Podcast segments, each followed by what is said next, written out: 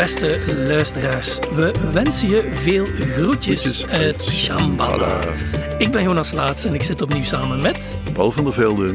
Samen reizen we af en toe door de wereld van de hedendaagse spiritualiteit en esoterie. In onze podcast wisselen we telkens weer van gedachten over wat we op die reizen te zien krijgen. En Paul, ik wou het vandaag graag met jou hebben over dans. Jazeker. Dat is natuurlijk een onderwerp dat uh, ja, ook nauw aan het hart Ja, ligt. nou. Maar ik heb zelf twee redenen om er vandaag even met jou over te spreken. Aan de ene kant heb ik onlangs een geweldig interessant boek gelezen over de geschiedenis van dans en hoe dat dans verweven is met religie en revolutie zelfs. Ja. En het boek heet Dancing in the Streets: A History of Collective Joy. Het werd geschreven door Barbara Ehrenreich, een behoorlijk bekende historica in de VS. Aan de andere kant kom ik eh, de laatste tijd ook wel vaker op eh, bijeenkomsten van ecstatic dance, zoals dat heet. En de inhoud van dat boek in relatie tot die ecstatic dance zette me nogal eh, aan het denken. En dus ik vond het een goed idee om een keer wat dieper in dat thema te duiken. Vooral eh, omdat jij zelf Indische tempeldans hebt bestudeerd. Maar laat ons misschien eh, beginnen bij eh, ecstatic dance. Ken jij dat, die, die specifieke groeperingen? Allee, zegt het u iets als ik eh, de wo- het woord gebruik? Nou, eh, ik- dit ken ik niet heel precies, maar Mhm. ik ken wel eh, natuurlijk, ja, ik bedoel, waarom hebben we die enorme dance-events eh, die mensen hun vrije tijd doen? Ja. Waarom zeggen mensen in de coronacrisis dat ze dansen zo missen? Ja. Als je die enorme menigten ziet, eh, waar ik zelf trouwens vroeger ook vrolijk tussen stond, Ja. hè, toen ik jonger was, eh, jezelf compleet verliezen in de extase van de dans. Urenlang staan dansen, dat ken ik uit eigen ervaring eh, zeer goed. Ja. En dat doet iets. Mhm. Er ontstaat iets heel collectiefs en daar kun je ongelooflijk aan toe zijn. Ja. Ik hoor van veel mensen dat ze het heel eng vinden om zich in de menigte te verliezen. Ja. Ik vind het eerlijk gezegd heerlijk. Ik kan er zeer van genieten. Ja, ik ook. Ik ook, kan er ook geweldig van genieten. En zodat de, het zelfverliezen en in de hip-hop gaan, wil ik even toe komen. Maar eerst even over die ecstatic dance. Want Mhm. als ik dat woord gebruik, dan gaat het niet zozeer over grote festivals waar we Ja. veel mensen staan. Dat zijn groepen van vaak oh ja, tussen de, laten we zeggen, de 10 en de ja, 100 ja. mensen of zoiets. En er zijn drie regels op die ecstatic dance bijeenkomsten. Eén, er wordt niet gepraat tijdens het dansen zelf. Eh, twee, het gebeurt op blote voeten, tenzij dat je een probleem hebt, fysisch of zo, met, en dat je schoenen moet dragen, maar anders is het op blote voeten. En drie, er wordt geen drugs gebruikt. Dus ook geen alcohol is er niet aanwezig. En daardoor ehm, gebeurt dat ook vaak overdag. Dus dat is iets anders dan andere Dan festivals, s'avonds. Ja.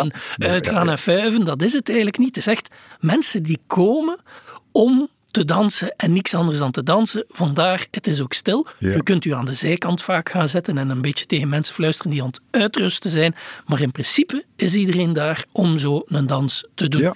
En wat ik daar zelf super interessant aan vind, van in het begin is ook dat heel dat sfeertje van die dansen zit zo wat ingebed in, Ja. in wat hedendaagse spiritualiteit. Er is altijd een klein altaartje, een plek waar dat er kussens liggen, waar dat je een beetje kunt mediteren. En er is sowieso een Boeddha-beeld of twee Ja, aanwezig, ja. uiteraard. Een hele rituele setting Een hele rituele setting. ja, ja, En dat maakt het ook een beetje ritueel.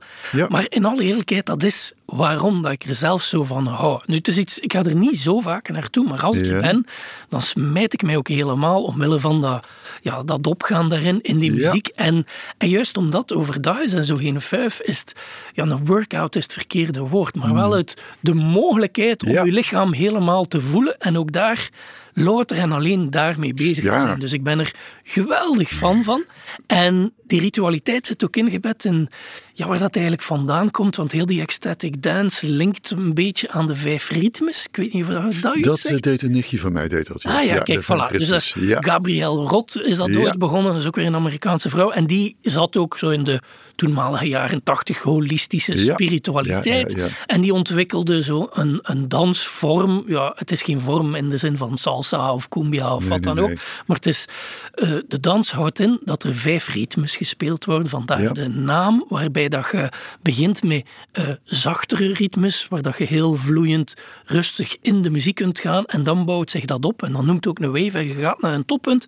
En dan bouwt je weer af. Ja. En dan gaat je terug naar die rust. Dus je krijgt een golf waarin dat je opgaat als danser. Ik zal misschien voor de mensen die luisteren eh, naar de podcast ook een stukje van eh, zo het chaosmoment, het hoogtepunt van zo'n een golf, van zo'n wave, even laten horen van een stuk CD dat Gabriel Rot met haar eigen uh, band dan maakte om mensen te helpen om die vijf ritmes te doen.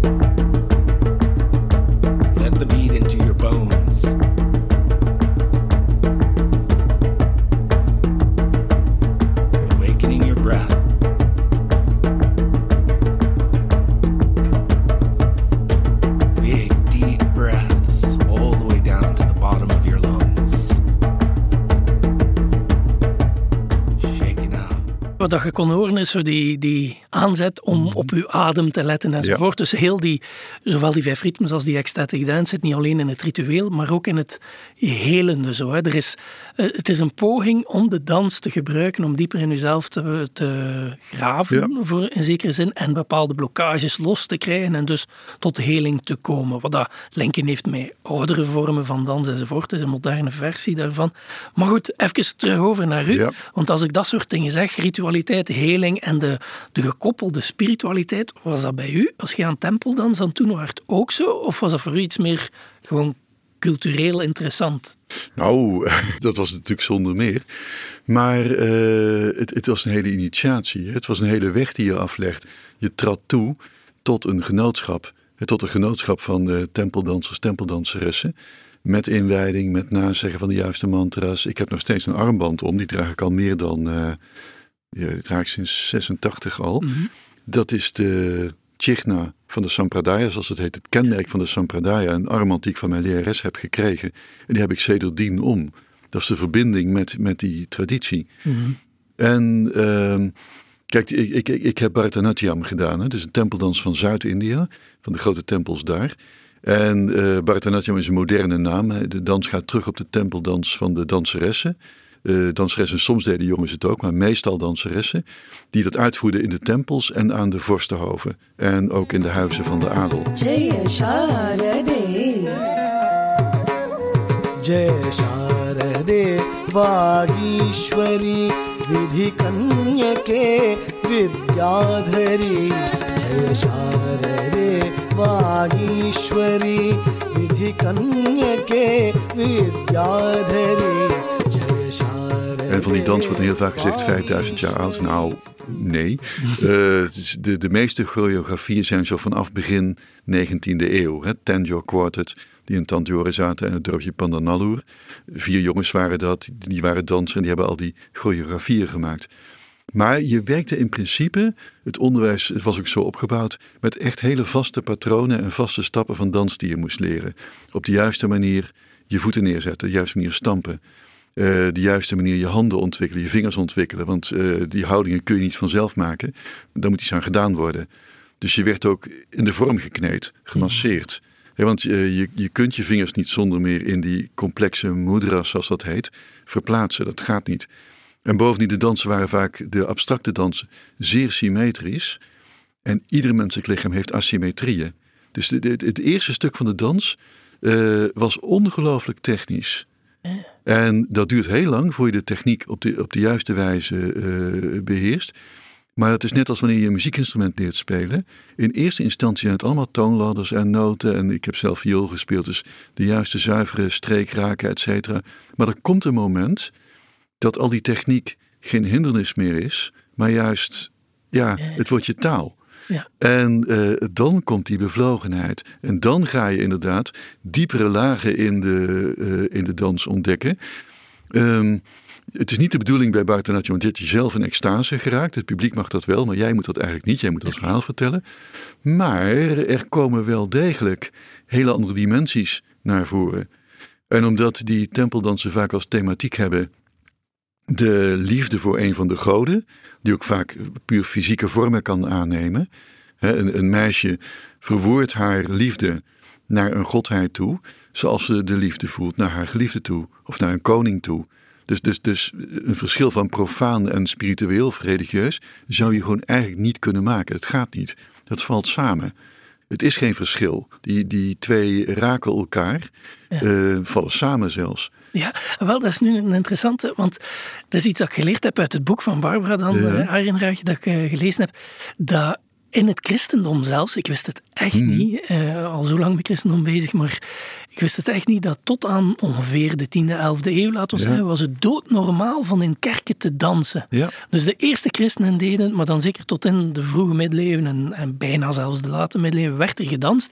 Ja. En de kerkelijke overheden hebben extreem veel moeite moeten doen om die dansen buiten de kerk te brengen. Nu, ik heb daardoor heb ik een hypothese in mijn hoofd gekregen die ik nooit in academische zin zou durven verkopen. Eens, maar in deze podcast het wel. wel. Er wordt vaak over het- de splitsing tussen religie en, en eh, Ja. secularisme gesproken als iets van eh, 16e eeuw, 15e, 16e eeuw, Ja, waarin dat, weet ik het, het verdrag van Westfalen enzovoort, hè, waar dat natie-staten en, en eh, de kerkelijke overheden gesplitst worden. En dan krijg je ook dat onderscheid tussen wat het religieus en het seculier is. Nu, dat kan allemaal wel zo zijn op politiek en op intellectueel vlak, maar plots dacht ik, nee, het echt, de echte splitsing, die komt wanneer dat die dansen buiten gesmeten worden uit de kerk. Want wat dat je op dat moment doet, is inderdaad hetgeen dat je zegt, zo het, het profane en het Ja. sacrale beginnen van elkaar gescheiden Ja. te worden. Bezig zijn met uw lichaam, zingen en dansen en in de groep opgaan, wordt plotseling als iets profaan gezien, als Ja. iets dat niet de juiste manier van bidden of vereren zou zijn. En dus, met andere woorden, waar dat mensen vroeger wel het lichaam als zodanig sacraliseerden, is dat plotseling geen optie niet meer. Sacraal zit je alleen als je rustig zit te bidden of zoiets. Ja. En Ja. dus voor mij is dat voor het volk in elk geval, is dat misschien veel meer de splitsing tussen religie en secularisme dan, Nou, dan al eh, die wetten. Het zou een zeer interessante theorie zijn om eens goed te onderzoeken. Ja, want het, het doet me ook heel erg denken aan die tendens die je tegenwoordig zo sterk ziet. Dat verschil tussen denken en voelen. Ja. Eh, hoofd tegenover hart. Ja. Dan denk ik, ik herken dat eigenlijk helemaal niet. Ik kan de extreme wel aanwijzen. Maar daar zit zo'n gigantisch midden tussen. En daar zijn we, naar mijn idee, veel meer mee bezig. Het is geen punt op extreme aan te wijzen, dat kan wel. Bij wiskunde voel je meestal niet zoveel, behalve de, de esthetica die een formule in zich kan dragen. En bij diepe emoties is, is, kan de ratio uitgeschakeld zijn, dat is allemaal best. Maar ik heb die twee nooit als, als een complete tegenstelling kunnen ervaren. Dus, dus ja, het zou een hele interessante theorie zijn om eens heel goed naar te kijken. Want je kon wel eens ouderwets gelijk hebben. ja, wat, wat, wat missen wij? eh, ik, ik heb in het verleden vroeger met Cilia Hogerzeel in Utrecht bibliodrama gegeven. met, met vrij protestante studenten. En die zeiden altijd als, als we zo'n bibliodrama uitvoerden. Wat is het heerlijk om je lichaam in religie in te zetten. Dat je lichaam meedoet. We zochten vaak een iconografische scène uit. Uit een schilderij zoals die in de Bijbel of, of op basis van bijbelse schilderijen was uitgevoerd. En dan zei Cilia, want we kwamen vanzelf, hè, een, een, een, een verhaal naspelend, kwamen we vanzelf op die iconografische hoogtepunten. Die zo op een 17e eeuwse schilderij hadden kunnen staan. Ja. Dan zei Cilia, ga verder. En dan eh, telde ze, ging ze drie seconden verder en sloeg ze in haar handen. Dan stonden we weer stil. Dan stonden we echt een scène verder dan het schilderij. Ja. En eh, nou ja, zo zie je opeens, dat er komen totaal andere eh, beelden uit voort. Maar de reactie achteraf was ontzettend vaak wat heerlijk om het lichamelijk door te Ja. maken. In plaats van ja, eh, een, een mystiek die alleen maar in de mindset Ja. zich voltrekt. Absoluut. En ik denk dat allee, dat soort dingen kunnen ook horen onder mensen die aan ecstatic dance of Ja. vijf ritmes doen. En denk dat dat ook is wat ik er zelf fantastisch aan vind. Ja. Het is een letterlijk resacraliseren van het lichaam Ja. dat honderden jaren achterwege is gebleven. En ik, ik begrijp, eh, want het is niet vijf ritmes en ecstatic dance alleen. Je ziet dat op veel plaatsen Ja. gebeuren, dat soort fenomenen. Alhoewel nog een beetje te klein naar mijn hoesting, want ik denk dat het ook nodig is. Het, het, verbindt het heilige inderdaad veel meer met lichaam en bij uitbreiding met natuur enzovoort enzovoort. Ik denk dat die linken inderdaad wel moeten gemaakt worden. Ja. Ja, Ik vind het ook interessant aan die ecstatic dance dat ze dus. Je zou denken, dat is nieuwerwets, hè, dat is nieuw Ja. van dat te doen, van dat lichaam binnen te brengen. Maar daarom was ik zo blij van te leren over eh, de eerste generaties christenen tot en met in de middeleeuwen. Het is eigenlijk niet nieuwerwets, het is gewoon iets dat ooit bestaan ja. heeft, weer opnieuw doen. En Ja. een van de meest prachtige ecstatic dansen die ik ooit gedaan heb, is in Nederland. Ik ben even de, de stad kwijt of het dorp, maar het was in een kerk, hè, want veel kerken lopen leeg. Ehm, en kerken worden herbestemd. En een van die kerken is, eh, ergens hier in Nederland is is een, een cafetaria slash um, een plek voor optredens geworden. Maar dus daar doen ze soms ook ecstatic dance bijeenkomsten. En dan staat je dus tussen de glasramen te dansen met effectief dan zo'n boeddha erbij. Um, maar het is interessant, hè, want daarmee herstelt je een traditie die eeuwen geleden wel degelijk bestond. Hij zet helemaal niet zoiets uniek of iets helemaal nieuw aan het doen. Nou, wat, ik heel mooi vind, hoe je, dat, hoe je dit nou uh, beschrijft. De Indiaanse dans ja. Heeft eigenlijk een beweging meegemaakt, uh, recent, hè, eind 19e eeuw is dat zo begonnen, van de tempels weg. Ja. Hè, en, en, en naar de podia en is daarmee gered. Dus eigenlijk is die, is die van, van religieus ja, naar, naar, naar seculiere plekken mm. gegaan. Dan mag je altijd afvragen in hoeverre theaters in India seculier zijn. Want dat zijn ze niet helemaal hoor. De Indiaanse traditionele theaterstukken en ook dans hebben altijd een religieuze dimensie. De wijding van het podium, eh, een beeld wat er vaak wordt neergezet, et cetera. Dus ze heten ook vaak naar goden. Hè? Eh, de Krishna Jan, uh, Ganasabhai in, in Chennai bijvoorbeeld. Het heet bijna altijd, het heeft een religieuze connotatie. Eh, de muziekvorm Saraswati is de godin van de poëzie en van de muziek. Dus daar zit altijd een religieuze component aan. Althans, iets wat wij religieus zouden noemen. Hmm. Maar de tempeldansen van uh, Zuid-India, dus de traditie waar ik dan bij heb gehoord. Uh, meisjes huwden met de tempelgod. En dat maakte hen tot zeer graag geziene gasten op uh, bruiloften, bij geboorte van kinderen. Omdat zij geen weduwe konden worden. En dat is heel wezenlijk, want in India een vrouw wie een man leeft, een gehuwde vrouw wie een man leeft, die brengt geluk. Dat heet Saubhagya of Mangala. Je kunt het ook herkennen aan de kleur van de kleding. Hè? Dus, dus uh, rode kleding, donkergroene kleding, donkerblauw. Gelukbrengende kleuren. De haarscheiding is rood gekleurd met vermiljoen.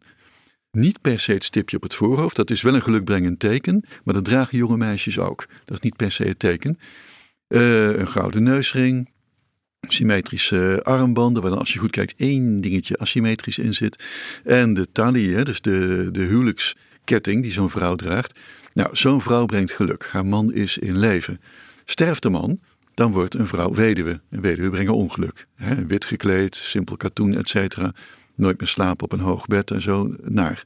Nou, een vrouw die met een tempelgod huwt, ja, die is altijd gelukbrengend, want die god gaat niet dood. Die God sterft niet, die God is eeuwig.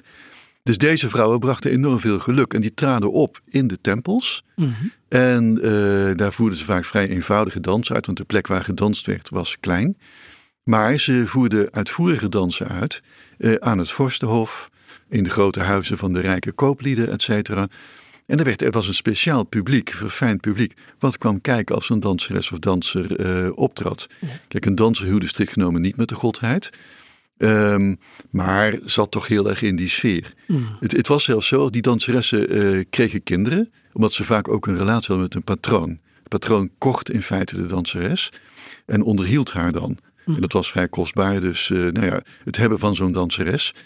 Net als een beetje vergelijkbaar met Japan met de geisha-huizen. Die samurais hadden vaak een geisha-huis en dat gaf status je onderhield het en dat was heel kostbaar. De sieraden moesten betaald worden, et cetera. De kinderen die kwamen van zo'n relatie. Die, de meisjes werden danseres.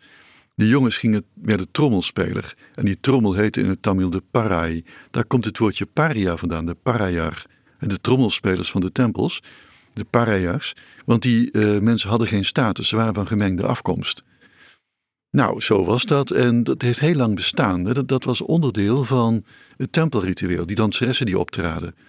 Nou, eind 19e eeuw, daar heeft de Engelse invloed een grote rol in gespeeld. Kijk, vrouwen gewijd aan de godheid, dat kon. Dat kent men in Europa ook wel. Maar gewijd aan de godheid, niet gehuwd en kinderen, kijk, dat is een brug te ver. Dat ging niet. En in een paar stadia zijn die Devadasis, zoals ze werden genoemd, hè, dienaressen van Deva, de dasis van Deva, zijn eigenlijk uit het tempelritueel verwijderd. En uiteindelijk zijn ook hun bezittingen afgenomen. onder het uh, verwijt dat het prostituees waren. Nou, toen alles afgenomen was, en sieraden, en positie in de tempel, en bezittingen, ja, toen bleef de prostitutie over. Dus zei men, zie je wel, het zijn prostituees. Ja, wat wil je nou? Je neemt alles eerst af, dan blijft er niks over. Maar, ik moet er wel bij zeggen, tegenwoordig wordt die traditie van de tempeldanseressen, zeker ook onder westerse hindoes en ook westelingen die die tempeldans doen, erg uh, verheerlijkt als heel spiritueel. En vrouwen met grote devotie en overgave.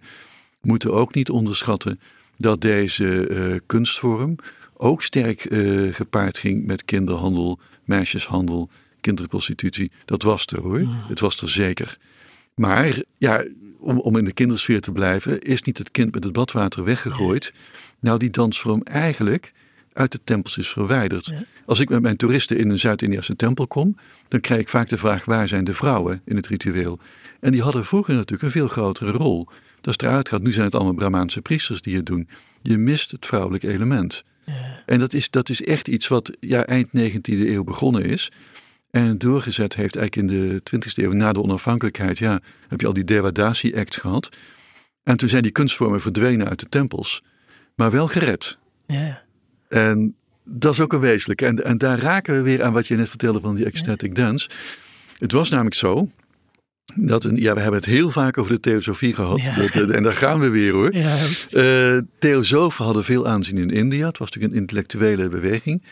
En er waren theosofen die dus zagen van... hé, hey, die danseressen in die tempels... lopen er geen connecties naar het oude Kreta... Waar, waar, waar priesteressen optraden met slangen, et cetera. Daar speelt waarschijnlijk ook een heleboel nep omheen. Maar goed, die verhalen waren er. Moeten wij die eens heel goed bekijken? Gaat dat niet recht in de prehistorie terug? Dat soort kwesties. Nou goed, uh, toen is één Brahmaanse vrouw van hele hoge kom af, Rukmini Devi, getrouwd met een theosoof. Uh, en toen is zij die dansen van de Devadasis gaan leren als hoogkaste Brahmaanse. En zij heeft die dans in feite ontwikkeld naar een podiumkunst. En ze is een groot instituut is ze begonnen in uh, Zuid-India, Kalakshetra, bestaat nog steeds. En daar leren mensen dus uh, die tempeldansen, maar als uh, theaterkunst. En heel af en toe wordt er weer in tempels opgetreden, nu als esthetische vorm, als esthetische kunstvorm, zo wetend dat die eigenlijk daar vandaan komt, maar niet meer als vast onderdeel van de dagelijkse verering. Dat gebeurt niet meer, want de dansen in de tempels waren verboden. Nou, Rukmini Devi was een theosofe, dus wat krijg je? Er moet een esoterische en exoterische boodschap zijn. En die tempeldans hebben verhalende onderdelen, maar ook puur abstracte onderdelen. En wat krijg je nou? Het verhalende deel, het verhaaltje over Krishna die de kleding rooft van de herderinnetjes, in een boom gaat zitten. En ze moeten hem dan begroeten en ze krijgen dan pas hun kleren terug en hij kan hun volledige naaktheid zien. Dat is de exoterische kant. Nee, de esoterische kant zit in het patroon van de voeten. Als zo'n danseres gedanst heeft, wat, wat voor patroon van de voeten blijft over? Komt dat niet overeen met labyrinthen uit Kreta en labyrinthen die in, in kathedralen te vinden zijn en zo? Ja. Beren interessant natuurlijk. Kijk, als mensen daar een esoterische boodschap in kunnen vinden of een spirituele boodschap daar vervulling mee vinden. Ik ben de laatste om daar kritiek op te hebben. Tuurlijk, dat kan. Dit, dit, is helemaal niet uitgesloten. Maar ze gingen dus ook onder andere de voeten van danseressen kleuren. Als zo'n danseres dan gedanst had, wat voor patroon blijft er over? En in de 20e eeuw heb je een enorme oppositie gehad tussen met name twee van deze dansende vrouwen. Mm Rukmini Devi van hoogkaste afkomst en Bala Saraswati. En dat was een dasi, een, een danseres echt uit die tempels afkomstig. En uh, Bala Saraswati was fors gemarginaliseerd, want zij was echt van die gemeenschap. Rukmini Devi had hoog aanzien, want zij was een, uh, ja, een Brahmaanse hoogkaste, ho rijke familie. Uh, ze is zelfs bijna onderdeel van de regering geworden. Is niet doorgegaan, geloof ik, maar ze, dat speelde allemaal. Terwijl Bala Saraswati, ja, die stond, op een gegeven moment echt op straat. Die kon geen kant op. En nou, Saskia Kersenboom, een van de grote onderzoekers op, op, dit terrein van de, van de uh, heeft me ooit verteld dat uh, Saraswati naar een tempel van Murugan is gegaan. En toen heeft gezegd, uh, Yen Sami, Ipada de Yenawa, uh, heer, wat moeten we nu toch doen? Nou, toen is ze ontdekt door uh, enkele mensen van ja, het intellectuele leven van Chennai. En de, de dansvorm is gered daarmee, maar weliswaar ja, naar de podia, hè, naar de grote danszalen gegaan. Maar wordt er gedanst in India? De danseres of danser hoort niet in extase te geraken, maar het publiek raakt in extase. Daar kun je op wachten. En, en uh, ook hoe, hoe men helemaal opgaat in zo'n dans. Hoe, uh, het is zo wezenlijk. En het is hoe dan ook altijd een spiritueel religieus evenement. Ja, en dat is het interessante. Dus die theosofen, ja, die begonnen dan inderdaad esoterische boodschappen te zien en, en linken met, met Kreta en al wat dat je wilt, ja. waar dat je vragen kunt bij stellen. Maar op zich, het feit dat doorheen de geschiedenis religie en spiritualiteit constant met dans oh, ja. gepaard zijn gaan en met extatische vormen van dans, ja, dat zal wel zijn.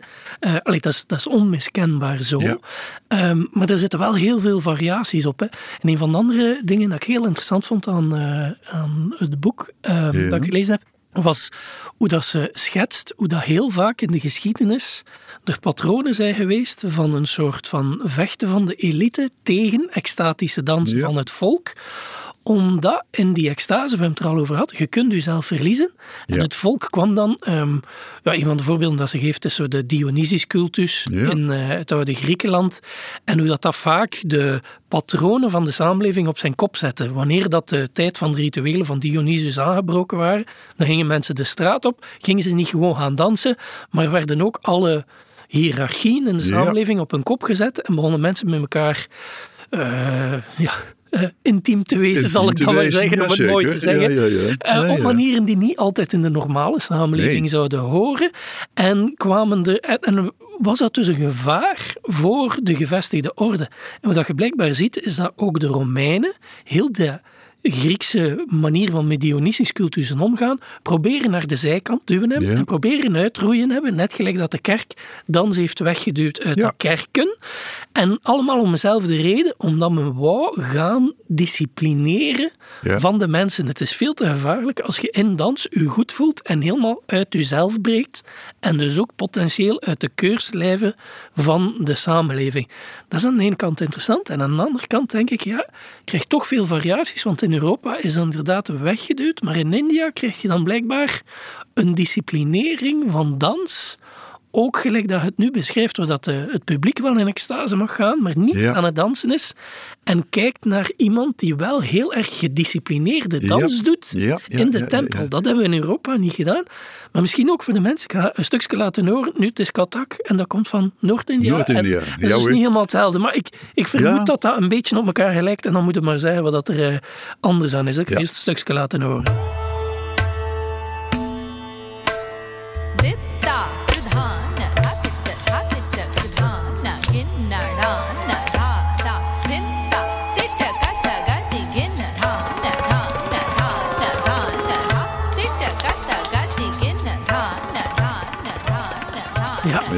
Dus eh, voor de mensen die eh, dat nu net gehoord hebben en het niet zo goed kennen, zo bij, bij elke uitspraak van allez, zo taplaklank die ze maken, hè, eh, dan, dan beweegt ook een hand of een voet in de juiste, exacte, juiste ja, vorm om een beeld weer te geven. Het zij de fluit van Krishna of wat dan ook. Hè. Ja. Ja, ja. En, en hij lekt dat op hetgeen dat jij dan Nou, dit, dit is Katak van Noord-India, maar ik, ik heb uh, heel lang in Noord-India, ik, ik, ik ben gepromoveerd op Braj Bhasha, de taal die de god Krishna gesproken zou hebben. En er loopt een rechtstreekse lijn tussen Katakdans en Braj Bhasha.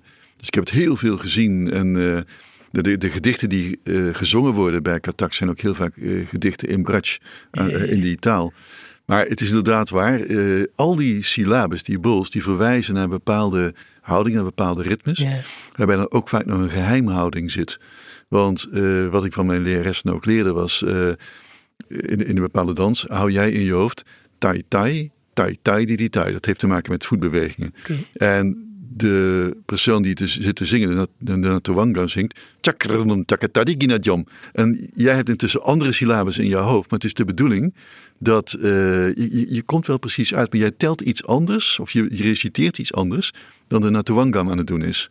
Chakrandom takatadiginajam takataditatiginiginitam. Uh, dat, dat is wat de Natawangam zingt. En je hebt in je hoofd tai di tai tai tai di tai tai tai tai di tai tam. Voilà. Perfect voorbeeld van hoe, hoe gedisciplineerd Ja. dat inderdaad kan zijn, zo'n dans. eh. Maar, maar tegelijkertijd, om, een beetje over te schuiven, want, eh, om de variëteit ook te laten Ja. horen aan mensen, ga ik nu een stukje Kawali komt dan, hè, dat is uit de islamitische hoek. Alleen niet alleen, dat bestaat ook in, in, eh, op Indische, of in Indische Ja, tempels even zeker. goed, of toch dat soort Ja, de, muziek. de graven van Soefies. Voilà, voilà, uit voilà. Smeer en zo. ja. Amir Khusrau, die een van Ja. de belangrijkste uh, componisten is van Qawwali-muziek, die is ook uh, extreem belangrijk in de Indische culturele muziek enzovoort. Maar goed, het is nu een stukje uit Pakistan en uh, dat gaat dan zo.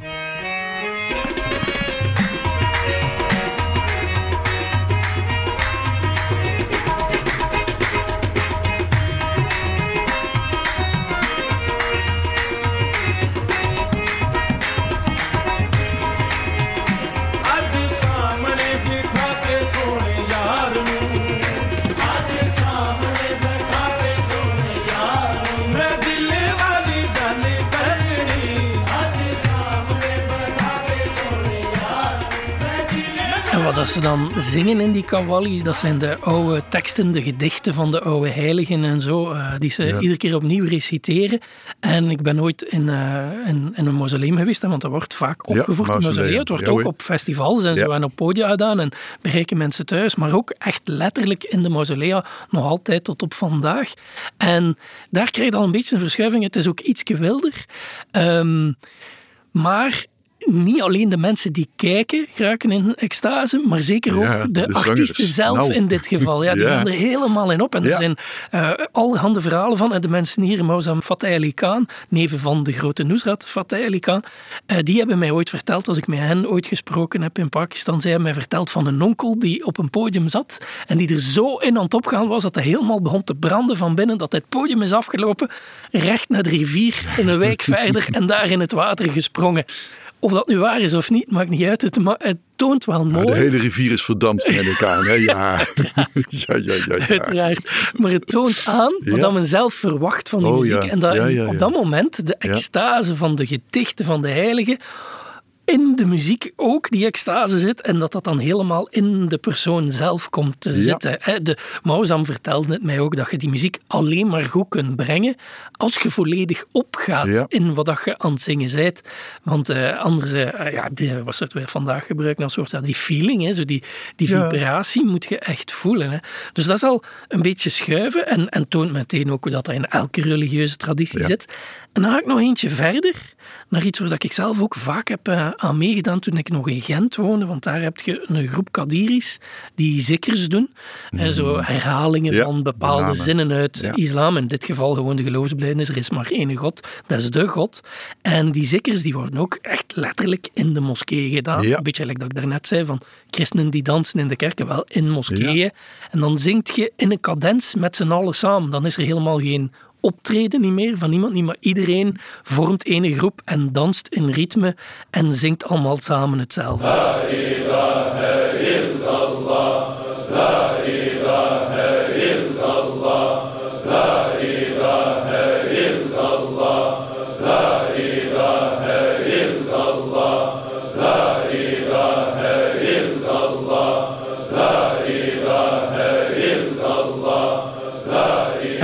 Meestal begint dat dan te versnellen na een tijd in de cadens. En dan, dan uh, kan ik eerlijk wel zeggen, dan gaat je er ook wel helemaal in op als je dat zo een kwartier aan doen zet. Hè. Nou, uh, de zieker, hè, dus wat, je net noemt.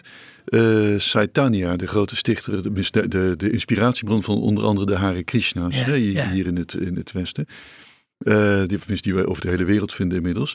Uh, mogelijk heeft hij die Hare Krishna mantra uh, is geïnspireerd op de zieker, op, op dit ritueel van dat, dat reciteren van de naam. Het is melodischer geworden, maar ik ken ziekers die ook, ook melodischer zijn dan wat je nu net mm, liet horen. Mm. Maar dat is heel erg verwant. En het verschil ook tussen iemand als Saitanya, die dan namens Krishna de straat op ging, en een Soefi, is waarschijnlijk heel klein geweest. Voor de bevolking ook gewoon nauwelijks waarneembaar. Ja. En dat liep heel erg door elkaar. Dat waren gewoon extatici. Ja. En die konden inderdaad buiten zinnen raken van, uh, van de namen van het goddelijke. En zo. Ja, ja, ja. En, en dat gebeurt nog altijd. Hè. Je zit daar gewoon bij. Allee, in India, ik veronderstel dat oh, ik dat soort dingen ook vaak heb meegemaakt. Ja, en, en hoe dat er bij het volk leeft. En even terug naar zo de, de dingen die Barbara schrijft in haar boek. Hoe dat de autoriteit van de kerk heeft proberen dans wegduwen. En dat ging soms keer wat beter, soms wat slechter. Maar dat gebeurt pas werkelijk echt massaal.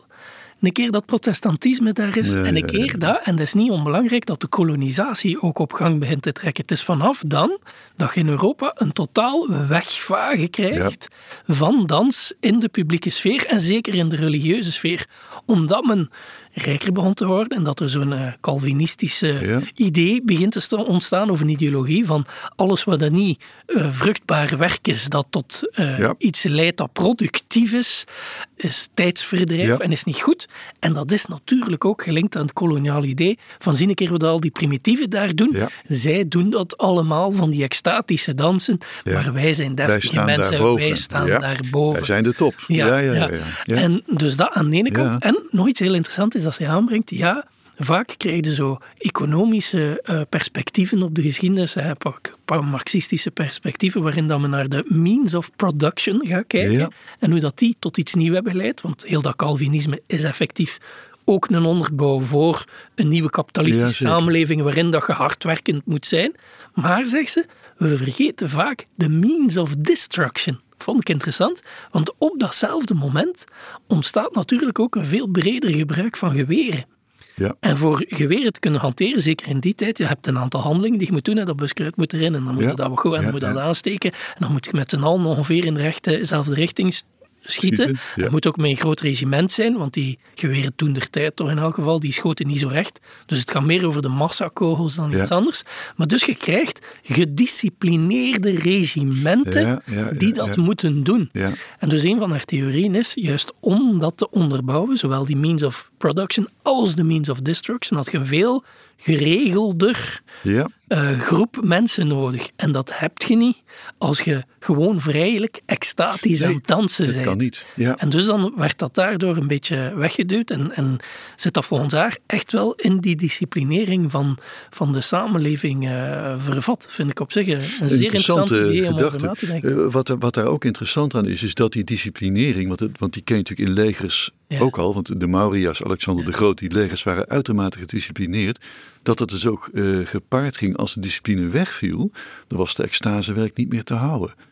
Ja, dus dan is het ook werkelijk één groot losbarsten van, van uh, orgieën, verkrachtingen, moordpartijen, zeer veel drank. En wat dan gebeurt, dan gaat het ook werkelijk over alle grenzen heen, ja. omdat het altijd zo gedisciplineerd moet zijn. Dus de extremen worden dan ook, ook veel groter. Hè? Want er staat ook wel die legers van Alexander de Grote en ook de, het Maurya-leger stond ook al onbekend dat als de discipline wegviel, als het even niet hoefde, nou dan was het ook werkelijk niet te overzien. Voilà, ja. We hebben het al een paar keer over Jong gehad en hoe, hoe dat hij die in Ja. zijn tijd moet plaatsen. Maar op dat vlak, allee, op dit soort ideeën, vind ik hem altijd sterk. ja. Dat hij heeft binnengebracht dat je sommige dingen zo kunt eh, ja, repressie doen en naar het onderbewuste duwen.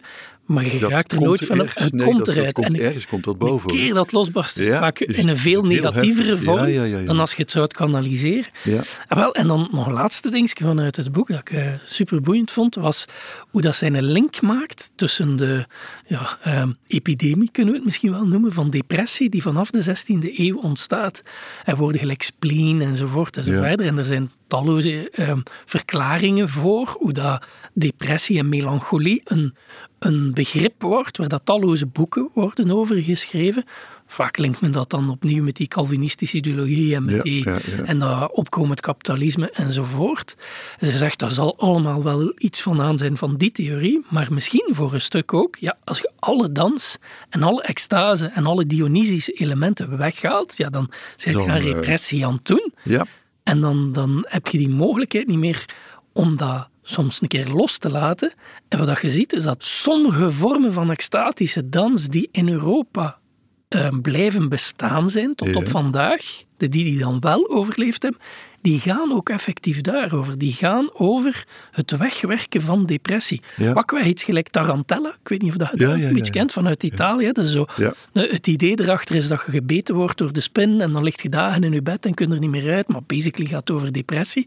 Over mensen die geen zin niet meer voelen in het leven. En de manier om die zin terug te krijgen is door eh, Tarantella te dansen. Ik heb er ook eh, een stukje Ja. van mee.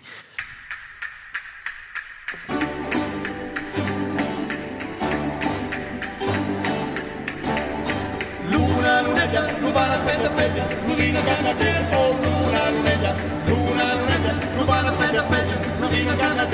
Luna lunetta.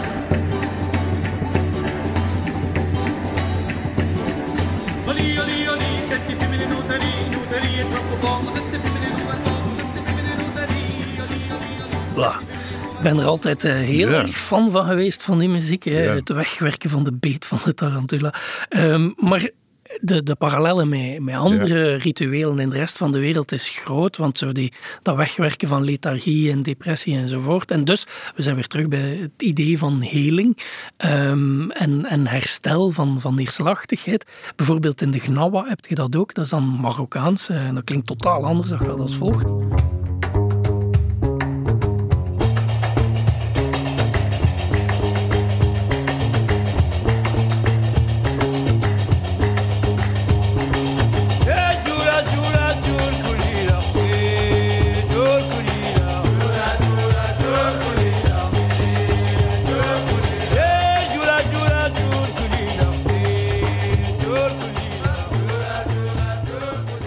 En dat soort muziek, ehm, ja, dat, is, dat is een vermenging. Alleen voor die traditie van de Gnawa is een vermenging van islamitische elementen Hmm. en sub-Saharaanse, pre-islamitische, animistische eh, rituelen die al bestonden.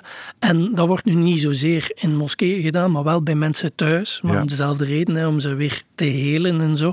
Ehm, die ritmische muziek. En doordat het ritmisch is, komen de zieken dan toch weer recht te staan en gaan Ja. ze gaan dansen. Maar dus heel dat concept van Ja. heling, daar wil ik je ook wel vragen of dat dan iets is. Ehm, want ja, dat brengt me terug naar de ecstatic dance van vandaag en de vijf ritmes enzovoort. Het zit er duidelijk in en er is een reden. Ik denk dat dat inderdaad wel klopt, die link tussen het Dionysische niet meer mogen ja, ja. beleven in de samenleving en de nood om het toch te doen, omdat anders een soort eh, fundamenteel onderdeel van uzelf aan het represseren bent naar uw Ja. onderbewuste. Maar dus, eh, dat was mijn vraag, was dat ook iets bij u? Als jij aan dansen waart, is dat voor u een element van heling geweest? Voor... Eh, dat was het in, in die tijd eh, zeker. Oh ja. Eh, waarbij je trouwens bij het dansen zelf de nodige blessures opliep hoor. Want mijn hemel, altijd wel ergens een spier die, die pijn deed. Want zware trainingen en zo. Nee, maar een enorme harmonie in het leven. Je had er ontzettend veel zin in. Je vond dat leuk. Eh, het heeft ook heel veel poorten geopend in de Indiase cultuur zelf. Ik hoefde maar een paar passen te doen en uh, hopsakee. Ik kwam allerlei tempelruimtes binnen waar ik gewoon niet in mocht als witneus en zo.